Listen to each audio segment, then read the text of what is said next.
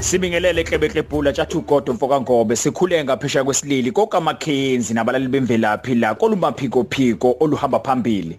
Uma uhamba ugudla ugu oluphakathi kwasesikhaleni senkosi ucetshwayo negingindlovu ukhona umfula omkhulukazi obizwa ngokuthi amatigulu imvelaphi yegama lalomfula amatigulu uyaqanjwa abenguni ababehlala kule ndawo okuthola ukuthi ngathi kwangabe ngamalala nguni. Abona lomfula umkhulukazi ushona. Ungakwazi ukuweleka base bethi amanzi amakhulu. Ngenxa yokuthi ke amalala abengayikhuluma athefule noma athefuye agcina sethi amatikhulu amatikhulu.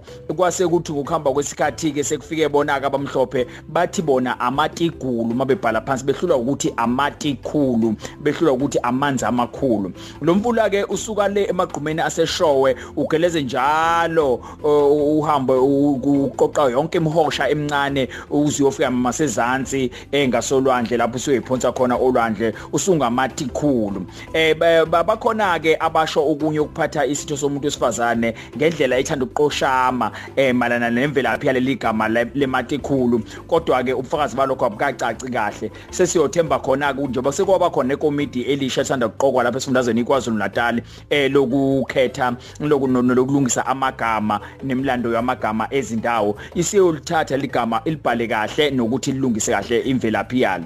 Ngenxa yalokho ke amatikhulu belu eh ashona kakhulu ngoba aze agcine eh uthi uma ufuna ukwawela kudinga ukuthi uwawele ngesihlengo ngekukwazi nje ukuthi uvele uwawele. Hayi ke besimje jwathu ngemvelaphi yematikhulu. Elami igama ngingusithembiso kwagojobovu kwashangase umzukulwane kamvula. Lena yimvelaphi lesi isidlo sasekuseni. Notshata nonongcebo lolu ukhozi FM masibonge.